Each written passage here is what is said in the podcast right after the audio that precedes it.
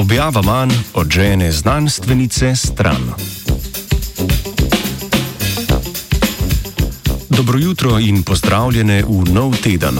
Začenjamo ga z raziskavo, ki je poskušala odgovoriti na vprašanje, ali imajo znanstveni članki z področja zdravja žensk enako možnost, da doživijo objavo kot raziskave na temo zdravja moških.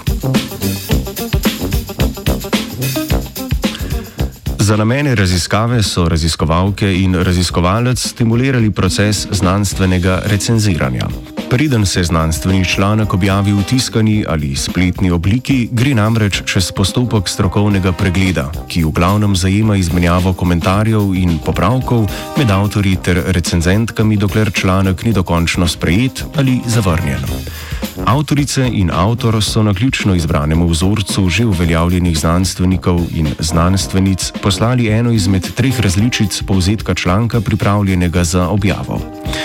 Ti so na to številčno lestvico ocenili strokovnost izvedbe raziskave in doprinos dotične raziskave k znanosti ter odgovorili na vprašanje, ali predlagajo objavo članka.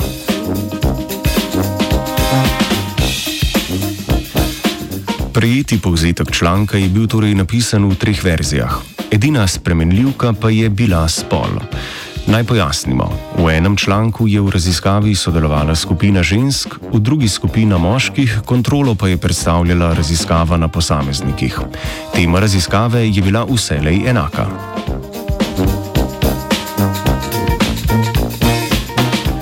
Strokovnost vseh treh verzij je bila ocenjena enako. Ocenjevalci in ocenjevalke pa so vseeno skoraj dvakrat pogosteje svetovali objavo članka, v katerem so sodelovali moški udeleženci. Na vkljub oceni, da bi raziskava na ženskah medicinski znanosti doprinesla signifikantno več kot enaka raziskava upravljena na moških. Kar malce paradoksalno, kaj ne? Sicer gre za prvo takšno študijo, temeljitejši pogled v to enigmo pa bi lahko ponudile metaanalize preteklih odobrenih in zavrnjenih objav ter samo trajanje strokovnega pregleda.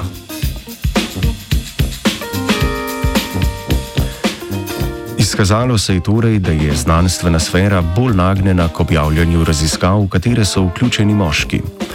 Tako tudi za bolezni, ki so v večji meri prisotne v ženski populaciji, obstaja manj podatkov in znanja. S to težavo se v znanosti soočamo že dolgo, saj je večina kliničnih študij izvedena le na belih moških.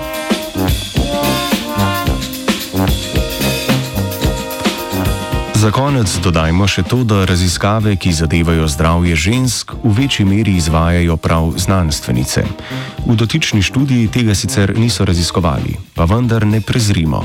Ocena akademske uspešnosti temelji predvsem na količini objavljenih člankov. Kako naj potem takem znanstvenice objavljajo več, če pa so njihovi članki glede na ugotovitve današnje študije objavljeni kar dvakrat manj, ravno zato, ker so tema njihovega raziskovanja ženske.